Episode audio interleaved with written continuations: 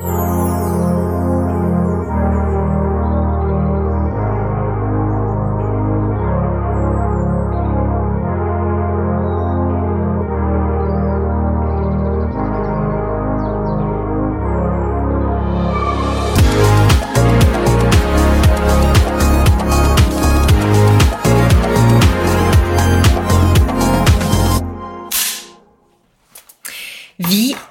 elsker bøker og serier som Downton Abbey og The Crown.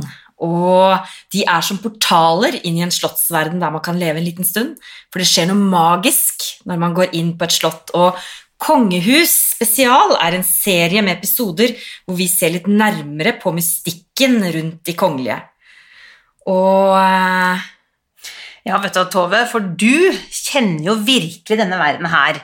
For du har jobbet på Slottet i over ti år, og du har vært lakei som eh, kongen og dronningens nærmeste medarbeider. Du har vært eh, på reise verden over og eh, med, med de kongelige, og du kjenner de kongelige eiendommene nesten som ditt eget hjem. Jeg kan påstå det. Ja.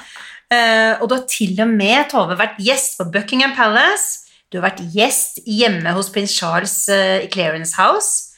Og du har drukket afternoon tea på Kens Ken Kensington Palace, som er hjemmet til Charles og Diana.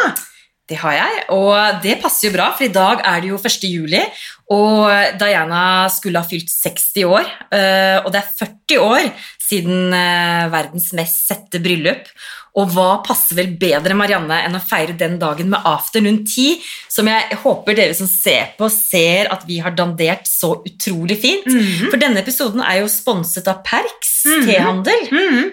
Ja, for det at Perix T-handel er det kanskje mange som kjenner fra København. Eh, For Perix har faktisk eh, eksistert eh, siden 1835 Oi. i København, og er eh, kongelig hoffleverandør i Danmark. Og, eh, men kan du gjette hvor mange forskjellige ulike typer te de har? Oh, jeg har jo ikke vært inne og sett, men kanskje 100? Svaret er faktisk at de har 150 forskjellige typer te. Oh, wow. Og mange er egne blandinger som man ikke får andre steder. Og Perks har høy kunnskap om eh, te, og man kan også faktisk bestille teen i nettbutikken. Men det skal vi komme nærmere tilbake til. Ja, for før vi snakker om arven etter Diana, så Marianne, må vi få ukens interiørtips. Ja, og da tenkte jeg det, Tove, at eh, når vi først skal snakke om eh, Diana og de kongelige, så tenker jeg at eh, noe som virkelig er med på å sette prikken over i-en i et hjem, det er faktisk gardiner.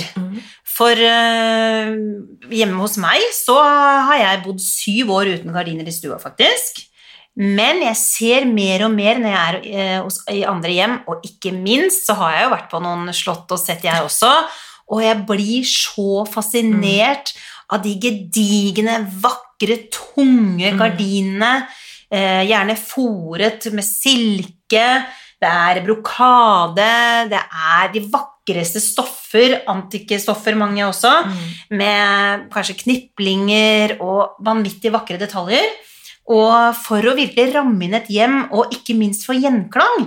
For veldig Ja. mange moderne hjem i dag har uh, lite tepper, lite tekstiler, og når man da ikke har gardiner i tillegg, så blir det veldig sånn klang i huset. Så for å skaffe en sånn god, lun stemning, så er det faktisk veldig mye spennende på gardinfronten. Og vet du hva, Marianne, jeg elsker de interiørtipsene dine. Det er jo så praktisk og lett å gjennomføre for de fleste av oss, så tusen takk. Så koselig at du syns det. Og dette er jo en kongehusspesial. Og eh, Diana har jo fascinert både deg og meg. Og da jeg var ni år, så skulle jo Diana gifte seg da med det som var den gangen eh, den mest ettertrakta prinsen i hele verden. Kanskje litt rart. og jeg leste jo alt jeg kom over eh, om henne og bryllupet, og jeg beundret henne. Hun var jo en fasjonista, en ung lady og representant for en ny generasjon kongelige. Og helt siden den gang har jeg vært fascinert av slott og kongelige. Og Diana entret offentligheten på begynnelsen av 80-tallet som en uskyldig og søt 19-årig pike med store perleøredobber, perlesmykker, pologenser og klassiske skjorter, og hun fremstod kanskje som det vi kan kalle for preppy og beskjeden. Eh, og jeg tenker jo at Diana hun var glamorøs, magnetisk, fotogen, giftig og kanskje også litt manipulerende. Uh, hun var en intuitiv person. Uh, mange vil jo si at hun var et medieoffer, men jeg vil også kanskje si at hun var en master i public relation. Hun var en ekte prinsesse, men hun var også den første reality-stjernen, før noe slikt i det hele tatt eksisterte. Mm. Og kanskje er hun mindre synlig og kanskje ikke like definerende for den generasjonen som vokser opp i dag, men hun er fremdeles et objekt av fascinasjon for generasjonen som vokste opp med henne, og som opplevde hennes brutale bortgang da, i, i en alder av bare 36. Og vi glemmer henne jo ikke, Marianne. Nei.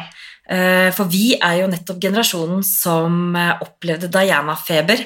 Og jeg lurer jo veldig på hvor var du da Diana iførte den mest bevoktede hemmeligheten i moteindustrien giftet seg i St. Pauls Cathedral? Vet du hva, det skal jeg fortelle deg. Jeg var 11 år. Dette var jo øh, midt på sommeren. Jeg var på en hytte på Sørlandet, på Fevik faktisk, hos min onkel.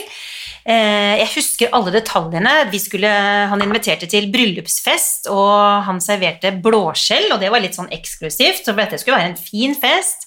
Jeg hadde med meg venninnen min Kaja, og vi ble bare Vi gledet oss sånn til dette bryllupet. Må jo legge til at eh, Tenk deg bare hvordan det var da. Men det var én eller to kanaler ikke sant, å se på TV. Og der satt vi og ventet i lang tid før sendingen skulle starte. Og jeg husker det som skulle vært i går, når Diana kom inn i det TV-bildet med den mest overdådige brudekjolen man kan tenke seg. Eh, en tiara som glitret som om det skulle vært eh, de edleste krystaller, for det var det jo òg. Mm. og jeg, jeg, jeg fikk frysninger da jeg satt som elleveåring, og jeg bare kjente at det, hun gjorde noe med meg, vil jeg si, i det øyeblikket.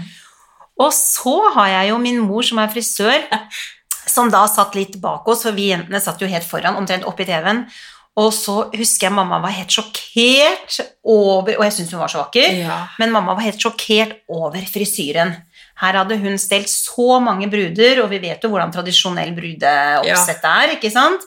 Uh, uavhengig av hårlengde så satt man jo da til ekstra hår hvis man ikke hadde muligheten for å sette det opp. Og der kommer Diana med en litt sånn uh, veldig kul Ja. uh, frisyre, vil jeg si. da. Ja. Men jeg husker så godt mamma uttalte at eh, hun var helt i sjokk over det året. Ja, det, det, det tror jeg, altså. Og jeg tenkte jeg ville vise deg den her, Marianne. Tenk på å prøve å vise den til seerne, at den Ja. er jeg veldig veldig stolt av. Ja. For nemlig i går så eh, fikk jeg nemlig eh, en minnemynt Ja. eh, av en veldig god venn og nabo av meg, som Og jeg fikk lov til å fortelle denne hemmeligheten. Ja. Eh, for han eh, vokste jo da opp i London eh, på den tiden hvor Diana også var der. ja. Og han var da i hennes bekjentskapskrets. Oi, oi, oi. Eh, han er en mann som ikke forteller for meget, Mhm. eh, men han eh, eh, sa det veldig klokt at han var i bekjentskapskretsen. Ja. Da begynner jo jeg å lure. ja. Men eh, han hadde da en minnemynt fra bryllupet i 1981, som da er en, eh, en sølvmynt med deres portrett av de to, Ja. eh, og en veldig, veldig fin gave å få. Fantastisk. Var han i bryllupet? Han var i bryllupet. Fantastisk. På det! Du, han var har jeg lyst til å snakke mer med. Ja! du, det må vi få gjort. Ja. Men du, eh, Diana, hun døde jo veldig tidlig. Mm. Husker du hvor du var når hun døde? Ja, jeg husker jo virkelig det sjokket det var. Hun Mm. var jo den store stjerna.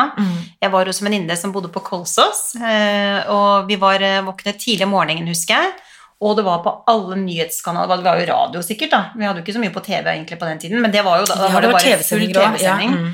Og man følte jo virkelig Mm. at man hadde mistet nesten noen av sine egne. Ja. Altså Det var jo et så Brutalt. stort og brutalt sjokk. Mm. Så jeg husker det virkelig godt, Mm. og hvordan det gjorde inntrykk på eh, hele norske befolkning. Mm. Vil jo gjorde det. det. Ja.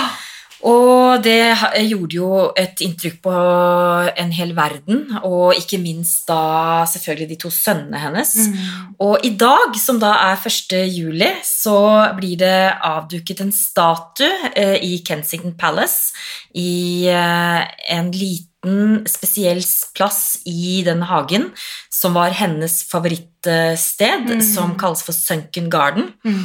Eh, og der blir det da avduket denne statuen, eh, som skal være en feiring av livet hennes, og en hyllest da til eh, denne kvinnen som skulle ha fylt 60 år i dag. Og det er prinsene, da, barna, eh, William og Harry, som uh, nærmer seg 40 begge to, Ja. uh, som har initiert statuen for å anerkjenne den positive påvirkningen da, som Mm. Diana har hatt på en hel verden, og de ønsker da at dette stedet i Kensington Palace skal være et sted hvor vi og hennes tilhengere og mennesker generelt kan, da, kan reflektere over hennes liv og ikke minst arven etter henne. Mm. Og jeg tenker jo at det er en ganske stor dag, og jeg er veldig spent, fordi at eh, vi vet jo alle det kongelige sirkuset som har vært det siste året, med Mexit og Harry og Williams krangling. Og i dag så står de da sammen, da, til tross for ulikheter og uenigheter, så Mm. står de sammen uh, for avdukingen, og alle verdens øyne, vil jeg tro, er rettet mot de to i dag. Mm. Og jeg tenker jo, har de snakket sammen? Ja. Har de krangla ferdig? Hva sier kroppsspråket deres? Mm. Og ikke minst, tror du at Meghan er med til London med de to barna? Det er veldig spennende. Veldig. Jeg tror jo at de vil holde tale, men eh, jeg tror de vil holde hver sin tale. For jeg tror ikke de er enige nok. Jeg tror det er viktig for de begge å ha sitt eget perspektiv på det. Mm. Eh, Jeg håper jo at de har tilbrakt litt tid sammen. Ja. Og at de kanskje forsøker å forsone seg for fremtiden. For jeg Mm. tenker jo det, Marianne, at eh, jo lengre tid som går, for den geografiske avstanden mellom de er jo stor, Mm. eh, gapet vil vokse seg bare større og større, Mm. så det kan jo bli så stort at det blir vanskelig å reparere. Ja. Så vi får krysse fingrene på at dette er en start på en, en, en ny tid for de to. Mm. Det er mye annet som også skjer som er spennende i London. Ja. Jeg kjente at når jeg leste om det, så tenkte jeg at nå må jeg komme meg til London snart. ja. Fordi det åpner en utstilling, eller er åpnet en utstilling på Kensington Palace eh, i det nylig renoverte orangeriet. Og den utstillingen eh, er jo noe vi syns er veldig spennende. Ja. Nettopp eh, forholdet mellom eh, designerne og de kongelige. Og utstillingen lover å avsløre prosessen bak etableringen av en rekke av de viktigste couture-produksjonene i kongelig historie. Og den heter, utstillingen heter Royal Style in the Making. Ja. Eh, og den kan du se fra juni, altså kan, kunne allerede ha sett den fra juni, Mm. og helt til januar eh, 2022. Og der får du sett brudekjolen. Gjett om jeg skal dit. Og man får også sett en sånn prototype på kroningskåpen fra 1937 som dronning Elisabeth Ikke vår dronning Elisabeth, Nei. men da dronningmoren, altså moren til dronning Elisabeth, hadde på seg. Og den viser da klesplagg fra tre generasjoner av kongelige kvinner. Og det burde jo passe for alle mote- og fasjonistene der Mm. ute. Så kanskje det er på tide med en tur til London. Ja. Og det er jo først og fremst brudekjolen Marianne, som markerer Dianas start som et kongelig moteikon. Mm. Og den var jo laget av elfenben, Mm. taft, paljettbroderier og 10 000 små perler. Og et åtte meter langt slep. Mm. Kjolen er verdsatt nå til 115 000 dollar. Oi, oi, oi. Men Mm. designerne fikk bare 1050 pund den gangen. Ja, ikke 12 000 kroner. Ja. De sa faktisk at de kunne tenke seg å gjøre det for gratis. Ja. ja. Men hva er ditt forhold til Diana og mote, Marianne? Jo, det kan jeg fortelle deg, eh, fordi at eh, denne vakre piken da, som eh, var så sofistikert og yndig, Mm. Hun gikk jo rett inn i hjertet mitt som elleveåring, Mm. for hun var på en måte litt ufarlig også, ikke Mm. sant? Hun hadde det der uskyldige over seg som gjorde at det, sånn som hun gikk kledd, det, det ville jeg, sånn ville jeg gå kledd også. Mm. Og eh, det var jo, som du nevnte i stad, disse perleøredobbene. Hun hadde mye kritthvite, crispy Ja. eh, bluser, hvite. Hun hadde pologenser. Mm. Og, eh, og jeg husker det som skulle vært i går, når jeg fikk tak i det vi kalte Diana-bluse. Og mange av dere som eh, sitter og hører på og ser på oss, eh, vil kanskje huske det. Mm. Og Diana-blusen den skulle ha litt sånn rutsjekant, Ja. akkurat sånn som vi egentlig har nå igjen. Mm. ikke sant? Og jeg husker at den skulle ha en krage Ja. som sto opp. Og det var ikke knapper nedover sånn, det var liksom et sånt fag. eh, Og når jeg fikk på meg den, så kjente jeg vel kanskje for første gang i eh, livet at eh, det med mote og hva det ville si Mm. å kle seg eh, i noe sånn eksklusivt og fint, det var, det var stas. Så det var inntreden var Diana. Helt klart i interessen for mote. Det er så morsomt, for vi har jo så veldig lik på en måte oppvekst. Så det er Mm. veldig interessant. Og Diana var jo først ute med det siste og valgte gjerne britisk design på sine kongelige oppdrag. Da. Det ser vi jo de andre kongelige nå også gjør. Ikke velger, altså Norske velger ofte norsk, og, Mm. og vi ser jo at uh, Kate også velger ofte britisk design. Men på 90-tallet så skjedde det jo også noe med Diana. Da Mm. ikke sant? Da byttet hun ut britisk design med merker som Versace og Christian Lacroix, Ungaro og Chanel, altså både italiensk og franske merker. Og det er ikke noe tvil om at 90-tallet endret Diana fra å være gift inn i kongefamilien til å bli en selvstendig kvinne da, som utforsk, utforsket liv på en kanskje litt mer frigjort måte enn den tilknappa, konservative, kongelige måten. Og jeg kommer jo aldri til å glemme den hevnkjolen hennes eh, i 1994. Altså prins Charles hadde nettopp innrømmet at han hadde vært utro. Mm. Hun, Diana, trer ut av bilen iført en sort, stram kjole og med slep på siden, og den var knekort. Og det er veldig, den gang så var det veldig ukjent for kongelige, da. Mm. Eh, og til antrekket så hadde hun et par sorte strømpebukser. Det bruker ikke de britiske kongelige. Eh, sorte pumps, en sort clutch, glitrende smykker rundt håndleddene, halsen og i, i ørene. Og kjolen, den fikk alle til å måpe. Mm. Eh, og den fikk jo navnet da The Revenge Dress, hevnkjolen. Og det hun oppnådde med det, og det er det jeg tenker at hun var en helt per perfekt public relation-person. Mm. Det hun opp oppnådde med det, var jo at alle førstesidene dagen etterpå var jo av henne med Mm. denne kjolen. Ja. Denne sexy eh, kvinnen eh, i denne fantastiske kjolen. Og ingenting om Charles' elskerinne Camilla. Parker Bowles. Nei. Så hun var jo helt rå. Du kan Ja. ikke si noe annet. Nei. Men Diana var jo mye mer enn fasjonista, og jeg syns jo ikke at vi skal liksom ha en kongehusspesial og bare snakke om klær, selv om det er veldig morsomt. Mm. Uh, for uh, The Diana-effekt er det noe som kalles, eh, og det er det noen som sier at det var starten på et nytt monarki. Mm. Og en av forfatterne av en bok om Diana, Phil Dampier, sier at Diana forandret kongefamilien på mange måter, og det har aldri blitt det samme etterpå. Og jeg har jo på en måte eh, ikke studert henne, men jeg har jo eh, vært veldig interessert i henne veldig lenge, Mm. og jeg mener jo at hun har en helt unik evne til å forstå andre og føle, altså følte smerten deres da, Mm. på en veldig sånn ubritisk eh, måte, og ikke minst eh, ukongelig måte. Hun hadde en utrolig intuisjon, eh, og hun turte der ingen andre turte. Mm.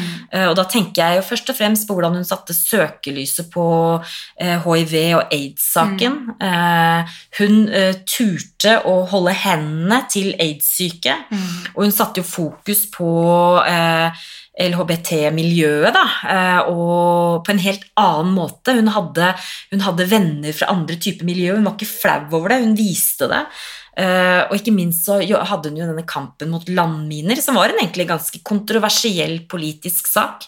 Og jeg tror jo at Diana vil bli husket, og er husket, som en som snakker, snakket fra hjertet, og ikke hodet, og prøvde å være tro mot seg selv. Da. Kanskje ikke så opptatt av hva Hun var kanskje ikke så opptatt av janteloven. Nei, ikke sant. Eh, og så tror jo jeg at hun hadde en sånn helt spesiell evne til å appellere til alle. Enten du var ung, gammel, eh, om du var aristokrat eller eh, vanlig arbeiderklasse. Og, og det tror jeg gjør at vi alle sammen kjenner oss litt igjen i henne. Eh, hun prøvde å gjøre godt, og hun ville redde verden, og så gjorde hun så mange feil. da. Mm. For hun var jo ikke feilfri, hun eller hun var utro. Hun gjorde eh, mye rart som, eh, som hun kanskje angret på. Men det er jo det vi alle gjør. Mm. ikke sant? Mm. Vi gjør jo feil, og vi har feil og mangler. Mm. Det gjør at vi på en måte, hun ble så menneskelig. da. Hun var seg selv, ikke sant? Ikke sant? Det, det, det er det som skinner gjennom. Det gjør det. Mm. Og det, eh, den appellen som, som hun hadde for folket, det gjorde jo at de andre kongelige måtte jo da reflektere over sin rolle og se hvordan de fungerte overfor andre mennesker. Og eh, jeg tror at uten Diana så ville de europeiske kongehusene sett eh, annerledes ut. De ville ikke klart å forandre seg raskt nok og ikke klart å beholde populariteten sin. Og jeg tror at monarkidebatten rundt om i Europa ville vært mye sterkere og tydeligere Mm. enn det den er i dag. Og i tiden etter at hun døde, så eh, Det den britiske kongefamilien er kjent for, er å være litt kjølige, formelle og fraværende. Og det ble jo utfordret og ikke minst kritisert Mm. av media. Og dronningen ble tvunget til å holde en TV-sending. Eh, å snakke om Diana, og det var eh, Altså, Det var det hadde første gang, Det hadde aldri skjedd før. Nei. Og det øyeblikket tror jeg definerte den britiske kongefamilien. Ja. Dronningen eh, er jo en smart kvinne. Eh, hun forsto at Diana hadde en så stor påvirkning, og at det ville endre eh, kongehuset. Og hvis hun ikke var med på det løpet, så ville det være kjørt. Mm. Så Diana kan egentlig få æren for å ha forandret de liksom formelle, tradisjonelle måtene egentlig mange kongelige eh, eh, har vært. Ja. Og at eh, jeg, jeg tenker jeg har bare lyst til å si også i forhold til Siden jeg også kjenner jo, eh, kjenner jo kongehusene Mm. fra innsiden, og jeg må jo si at eh, jeg syns jo kongen vår, altså kong Harald, eh, viser det på, og det, det viser det på en veldig fin måte. Eh, for det er jo noe sånn at hvis ikke de kongelige klarer å endre seg i takt med tiden, så vil de ha utspilt sin rolle, og det forstår kong Harald veldig Mm. godt. Og da tenker jo jeg spesielt på den talen han holdt i, i Slottsparken for noen år siden, hvor han sier at nordmenn er jenter som er glad i jenter, gutter som er glad i gutter, og jenter og gutter som er glad i hverandre, og Mm. nordmenn tror på Gud, Allah, alt og ingenting. Altså Det omfavner så utrolig mye og sier så mye fint. ja. Og det er sikkert en av grunnene til at kongen klarer å holde populariteten sin. da. Mm. Men vi må jo snakke uh, Snakker vi om arven uh, om Diana, så må vi jo snakke om William og Harry. Men før vi gjør det, Marianne, Ja. for vi er jo litt nysgjerrige på hva som skjer med William og Harry, Ja. men før så må vi snakke litt om afternoon tea. ja. For vi er jo så heldige at vi er, uh, har et samarbeid med, med Perks. Det er vi, og det er et samarbeid som eh, jeg kjenner at jeg er veldig stolt av. Ja. Fordi de har jo på en måte virkelig en, en som vi snakket om i sted, en lang, lang tradisjon eh, når det gjelder eh, afternoon tea. Ja.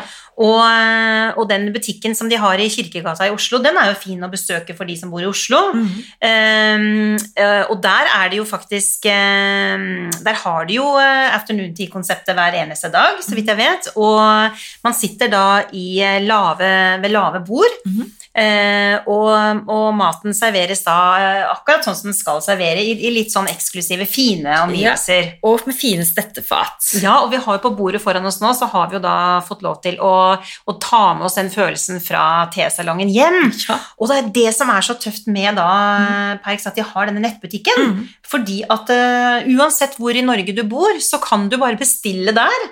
Og så kan du lage afternoon tea hjemme. ja, det er helt fantastisk. Og jeg opplevde afternoon tea på fjellet i påsken. Og det er jo det som eh, gjør at vi er så glad i afternoon tea, fordi at eh, det kan du servere i alle mulige Mm. anledninger. Mm. Og så vet man på en måte, da er det jo ganske sånn gitt hva man skal servere, Mm. men man kan jo like gjerne tilpasse det. Ja, absolutt. Um, men uh, hos Perk så kan du da også kjøpe disse mm, berømte, det berømte tilbehøret, da, Ja. som clotted cream, eller vispet krem, lemon curd og syltetøy. Og alt dette serveres da på eh, elegant og overdådig på etasjefat, sånn som vi har foran oss her nå. Det er så lekkert.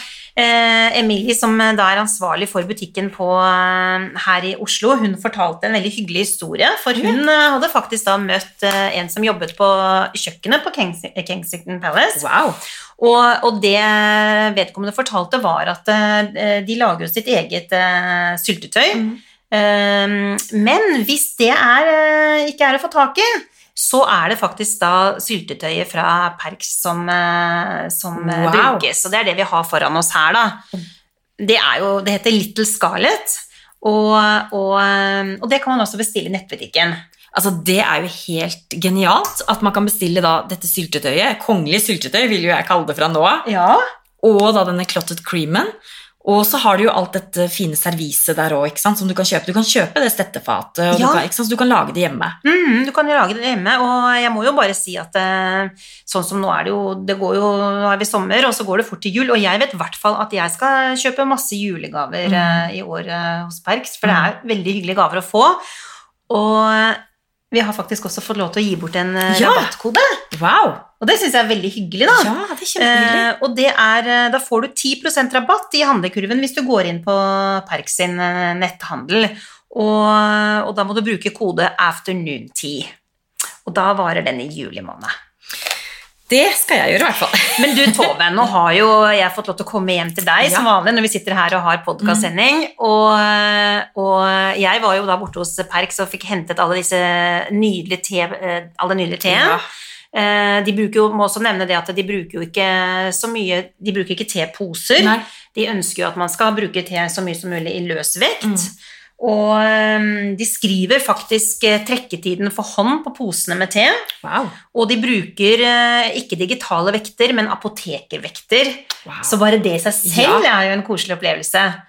Og det er det som er så morsomt med afternoon tea, at det er jo en gammel tradisjon. ikke sant? Den Mhm. kom jo litt kongelig, da, for å få det inn på Diana også. Så var det jo dronning Victorias hoffdame, som, eh, altså hertuginnen av Bedford, som grunnla ritualet. Og det er jo sånn Det var, og det er jo sånn at overklassen spiser jo middag veldig sent. De spiser få måltider få måltider, spiste middag sent, og hun ble så sulten og uvel på ettermiddagen, og fikk da kokkene til å eh, tilberede litt eh, kjeks og, og småkaker og opp til påkledningsrommet, og eh, ikke minst en kopp med Dariling te. Da. Så begynte hun å invitere de andre hoffdamene og venninner, og eh, det ble jo sånn at eh, dronning Victoria hørte om det og ble nesten litt misunnelig og ville gjøre det hun òg.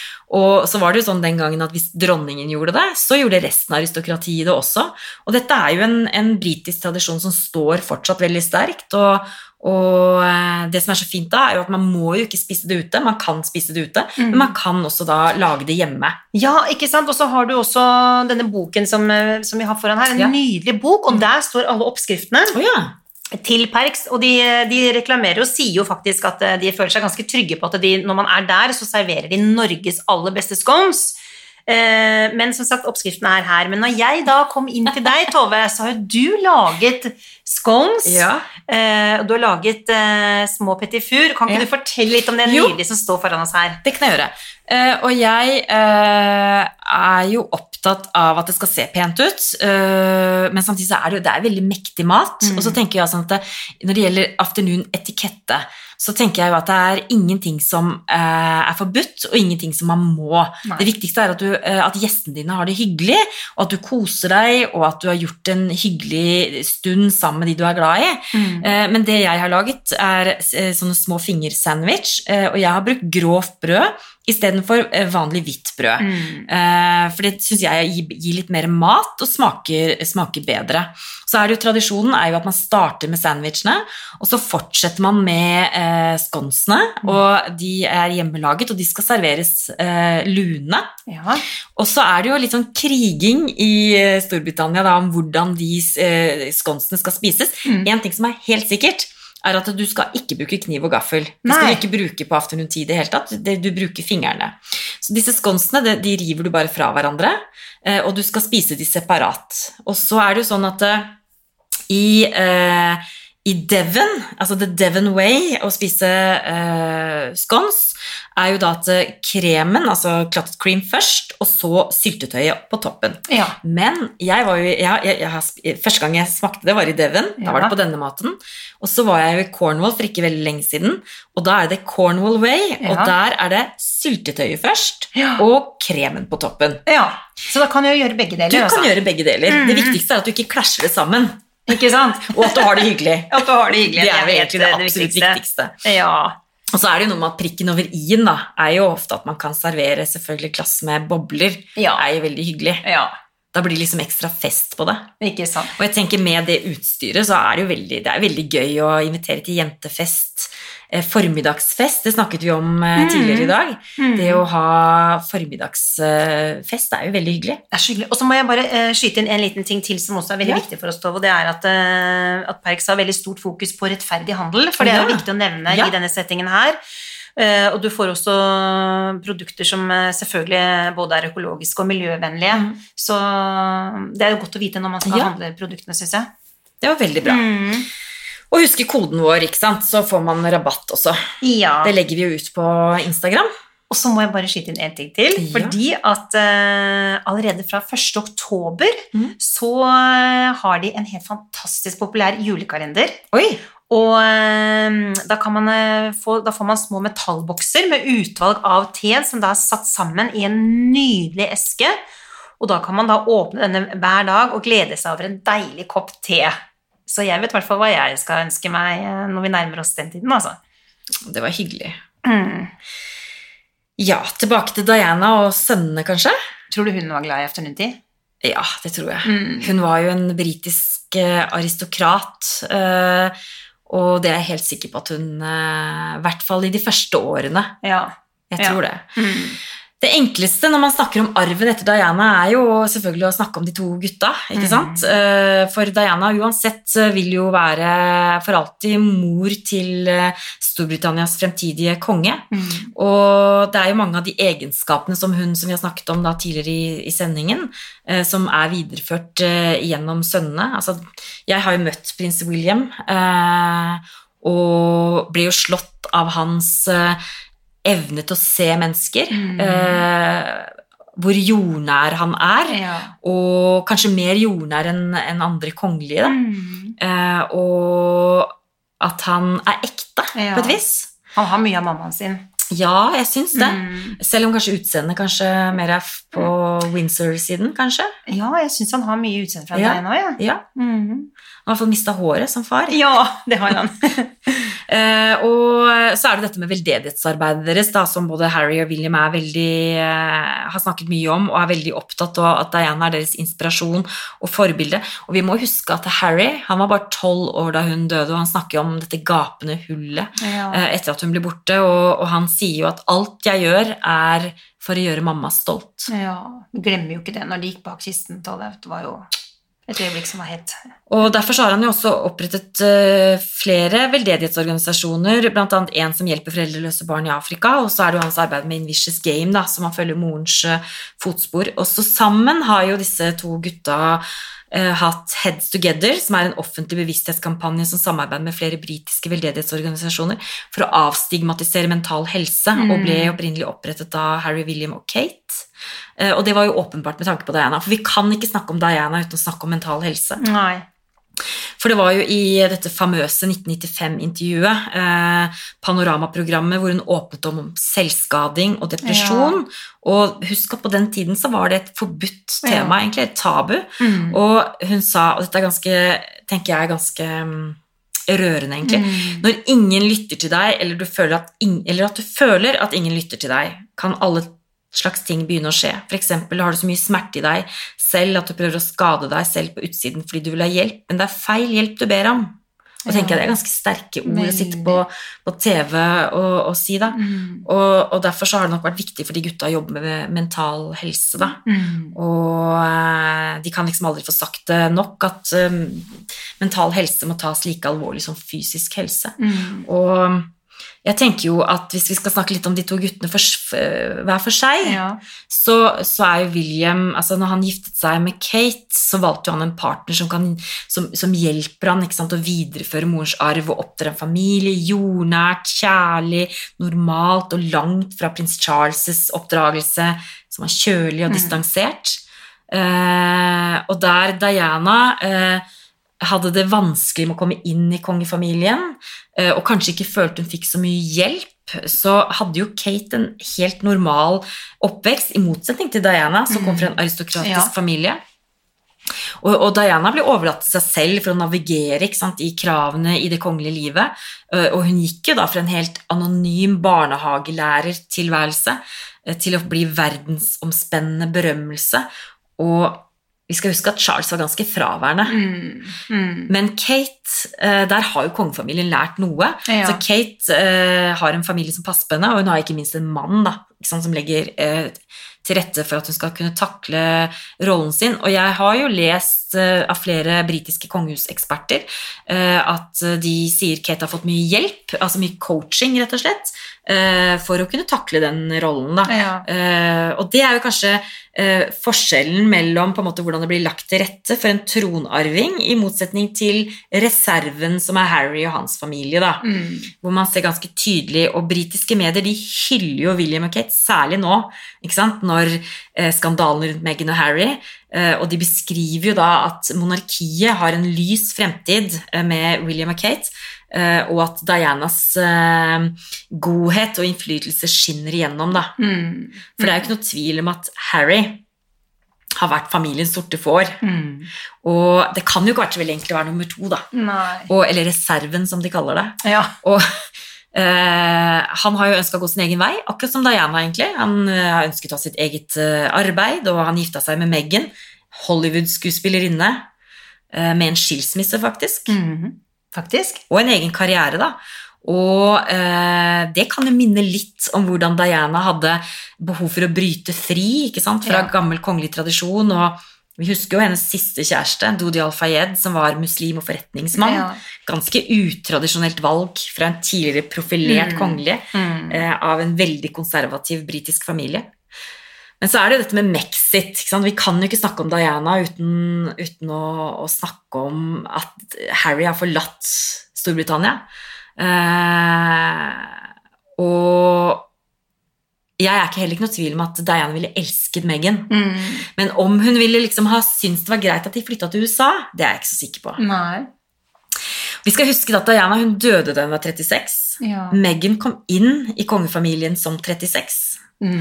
Uh, Meghan var allerede formet som Ja. en selvstendig kvinne, og hun har, gjør jo alle disse tingene som Diana ønsket å gjøre. Ja. Hun holder taler, hun skriver talene sine selv, eh, hun er aktivist, og det var jo det Diana drømte om å være. Mm. Eh, hun eh, er jo langt mer interessert i å bli behandla som en karrierekvinne enn en fasjonista. Mm. Og Diana var jo også sånn at hun var veldig begeistret når noen snakka om talene hennes Mm. og opptredenen og veldedighetsengasjementet hennes istedenfor klærne. da. Så hadde hun sett Meghan snakke i FN, Ja. så er jeg helt sikker på at hun har sittet på første rad og heia. ja. Tror ikke du òg? Helt sikkert. Eh, så jeg tenker jo at eh, hun ville nok elsket Meghan, ikke vært så fornøyd med at de valgte å flytte til USA. Eh, og det er jo kanskje fordi at Diana kom jo fra en aristokratisk familie som hadde sterke tilknytninger til kongefamilien. Ja. Hun forsto hvilken rolle det var, og hun ville nok synes at det var leit at eh, Archie og Lily ikke skulle på en måte ha et forhold til, Mm. eh, til familien. Da. ja. Så vi får nok krysse fingrene for at eh, dagen i dag kanskje Endelig. endrer noe. Mm. Satse på det. Mm. Og jeg tenker jo at det er Det som Diana var veldig god på, som jeg tror Meghan og Harry Dette er bare min, hva jeg Mhm. tenker da. Mm. eh, at uh, han er så uavhengig, flytter til USA, og jeg tror at de ønsker å bruke den berømmelsen, den kommersielle berømmelsen, uh, og det å være kjendis, Ja. til gode formål. Ja. Akkurat som den modellen som Diana egentlig gjorde. Mm. Og hun var kanskje en av de første som gjorde det. ja. Så de følger jo i, i hans fotspor, og det er forskjellen mellom Harry og William. Han er tronarving, han er bundet. Han er bundet. Ja. Ha, eh, Harry er eh, fri, eh, kan bruke den berømmelsen eh, til veldedig eh, fokus, da. Og det Mm. ser vi jo. Så vi ser en veldig stor likhet mellom Diana i begge de to sønnene, på Mm. forskjellig måte, da. Men er det sånn, kan jeg bare spørre, Tove, er det Mm. sånn at eh, i England i dag så, så er Harry litt sånn De har jo også trykket han til sitt hjerte fordi han var så liten når Diana døde, men Mm. er det sånn at, eh, at han fortsatt blir sett på som en litt sånn syndebukk, eller er de Vet du hvordan oppfattelsen er i dag? Altså, jeg tror jo at eh, Harry har kommet unna med veldig mye Mm. uh, fordi han var tolv år, og det er ingen, det er ikke et menneske som opplevde den begravelsen som glemmer den tolvåringen som gikk bak den kista. Nei. Så både uh, britisk media og folket har på en måte tilgitt Harry for veldig mye av det uh, gærne han har gjort, da. Ja. For han har jo vært crazy. Mm. Han, han har vært en partyløve. Han har Det har vært liksom mye alkohol og festing og, og det, alt som hører med. Eh, og det har de skrevet litt om, men ikke veldig mye, så de har jo på en måte beskyttet han. Mm. Jeg tror, eh, og vi så jo også Jeg var jo i London eh, og Windsor den helgen hvor, de, hvor Harry giftet seg med Meghan. Ja. Og jeg kjente jo selv, og jeg får helt gåsehud når jeg snakker om det, jeg kjente jo selv på den det, den beruselsen eh, og den, den kjærligheten som folket og avisene Mm. viste paret, og ikke minst Meghan, den helgen og i ukene og månedene i etterkant. Det var ikke noe tvil om at det var ekte, men så skjedde det et eller annet. Det, Ja. det snudde, og det, var, eh, og det kan man jo diskutere hva det var. Kanskje var det Harrys selvstendighet, Meghans karriere. Hun var en voksen kvinne som var allerede formet, Ja. hun hadde bestemte meninger, gikk imot. Uh, og så er det kanskje utfordringen med å være nummer to. Mm. For du vil aldri bli nummer én. Nei. Eh, og du vil alltid komme i skyggen av. Og det kan være vanskelig for en Hollywood-skuespillerinne å akseptere, Mm. som alltid har liksom fått medias søkelys på seg. Ja. Så situasjonen i dag er jo at uh, de blir ikke sett på med veldig uh, positive øyne. Nei, det er nei. mye kritikk mot måten de har håndtert den britiske kongefamilien. Vært mye kritikk mot eh, mot eh, Rett og slett mot eh, at de valgte å flytte. Eh, og ikke minst hvordan de har behandla både Charles og, og selvsagt dronningen. Mm. For dronningen har en høy standing. Så akkurat nå så er stemningen i det britiske folket og eh, mediene veldig negativt mot paret. Mm. Så vet jo vi, altså pressen det kan jo switch, så er det endret. Ja. Uh, og så blir de tilgitt ja, og knyttet tilbake og, og, og, og ha godt fokus igjen. For det er jo veldig interessant akkurat det der, for jeg tenker jo at det, det ser vi jo på sosiale medier i dag også, hvor viktig den der, det å være seg selv 100% og det å vise også at man har feil og mangler. Mm. ikke sant? At det, Tidligere så kunne man være overfladisk og man kunne sitte og være pen, Mm. men i dag så, så, så digger vi jo de som er u, uperfekte, og nettopp Ja. det var jo derfor vi også trakk Diana inn i hjertene våre, Mm. fordi at hun turte å vise en sårbarhet. Mm. Uh, og jeg tenker jo at uh, Men de i dag, det som gjør at, det, at dette har skjedd, er nok at de ikke har vært ydmyke nok. Mm. Hadde de vært det, Ja. så tror jeg situasjonen hadde vært helt annerledes, nettopp fordi at de Mm. eh, ikke er så Mm. Ja, de tør å vise Og samtidig så tror jo jeg kanskje at nå, nå ser vi jo det at uh, Charles har jo jobbet veldig lenge nå for å skalere ned kongefamilien, altså senior royals. At uh, det skal være færre som får titler, og som, på, som, som er på en måte på, på lønningslista ja. og får apanasje. Og det er jo fordi han skjønner at eh, det blir en for stor kostnad for den britiske staten, eh, og at skal de beholde eh, sin posisjon, så må de være i takt med tiden. Mm. Så han forsøker jo å, å, å være i takt med tiden. Og, og, og nettopp av den grunn så får jo ikke barna til Harry eh, titler. Nei. Og eh, jeg tror jo at det at, de, at Harry og Meghan flyttet til USA, eh, vil også åpne veien for andre kongelige i etterkant. Mm. Hvordan, de vil, hvordan de vil forholde seg til det å være kongelig. Da. Eh, Semikongelig eller kongelig eh, Vanlig kongelig. Mm. Eh, at de eh, baner vei, på en måte. At, eh, at det er greit å bruke den kongelige tittelen og bruke den kongelige posisjonen eh, til å gjøre, gjøre forretning, til å, å, å eh, skape kontakter, til å tjene penger, til å, til å sette et helt annet eh, fokus på veldedig arbeid, Mm. som, som Meghan og Harry gjør. Da. Og at det kanskje blir noe som, hvor de baner vei for uh, disse barna til uh, William og Kate, som da ikke er tronarvinger, men som, som da skal uh, finne sin vei og leve et, leve et liv som kongelig, men ikke kongelig. Ja. Så, så det, ettertiden vil kanskje være lettere definere Mm. betydningen av Harry og Meghan eh, enn hva det er i samtiden akkurat nå for oss, da. Mm. Som er liksom preget av det såret som det har, har blitt Ja. ved at man gjør et brudd, rett og slett. For det er jo egentlig det det er. Men du Tove, hvordan tror du liksom eh, Hvordan hadde på en måte Dianas liv vært nå, tror du, hvis hun hadde levd? Ja, det, det er jo et veldig godt spørsmål. Ja. Jeg tror at hun ville oppnådd absolutt alt. Altså, hun var jo da en ver altså, dyktig kommunikator, og jeg tror at tallene på Instagram-kontoen hennes de hadde, nå, nå måtte jeg sjekke opp, og det er Ronaldo, Cristiano Ronaldo, fotballspilleren, som er absolutt størst.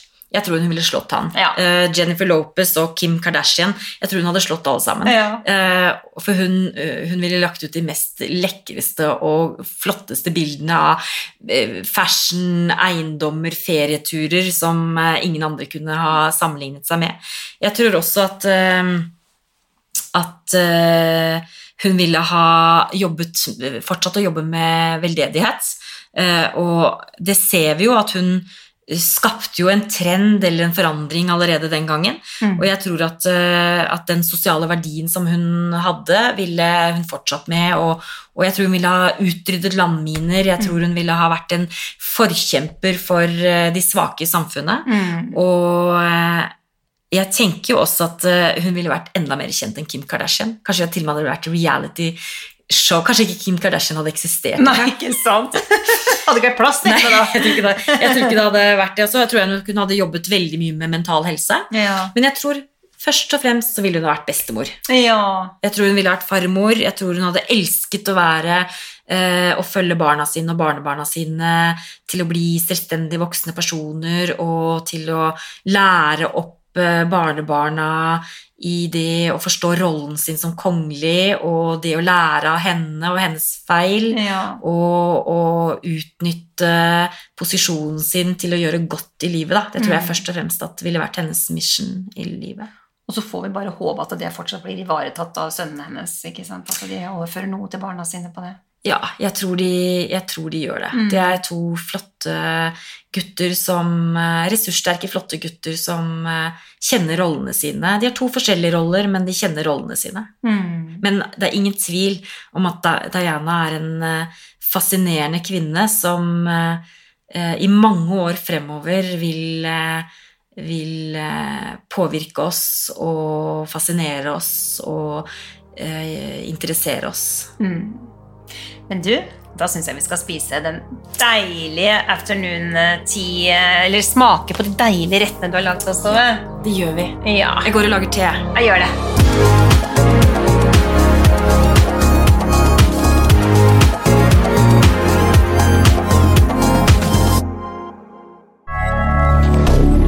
moderne media.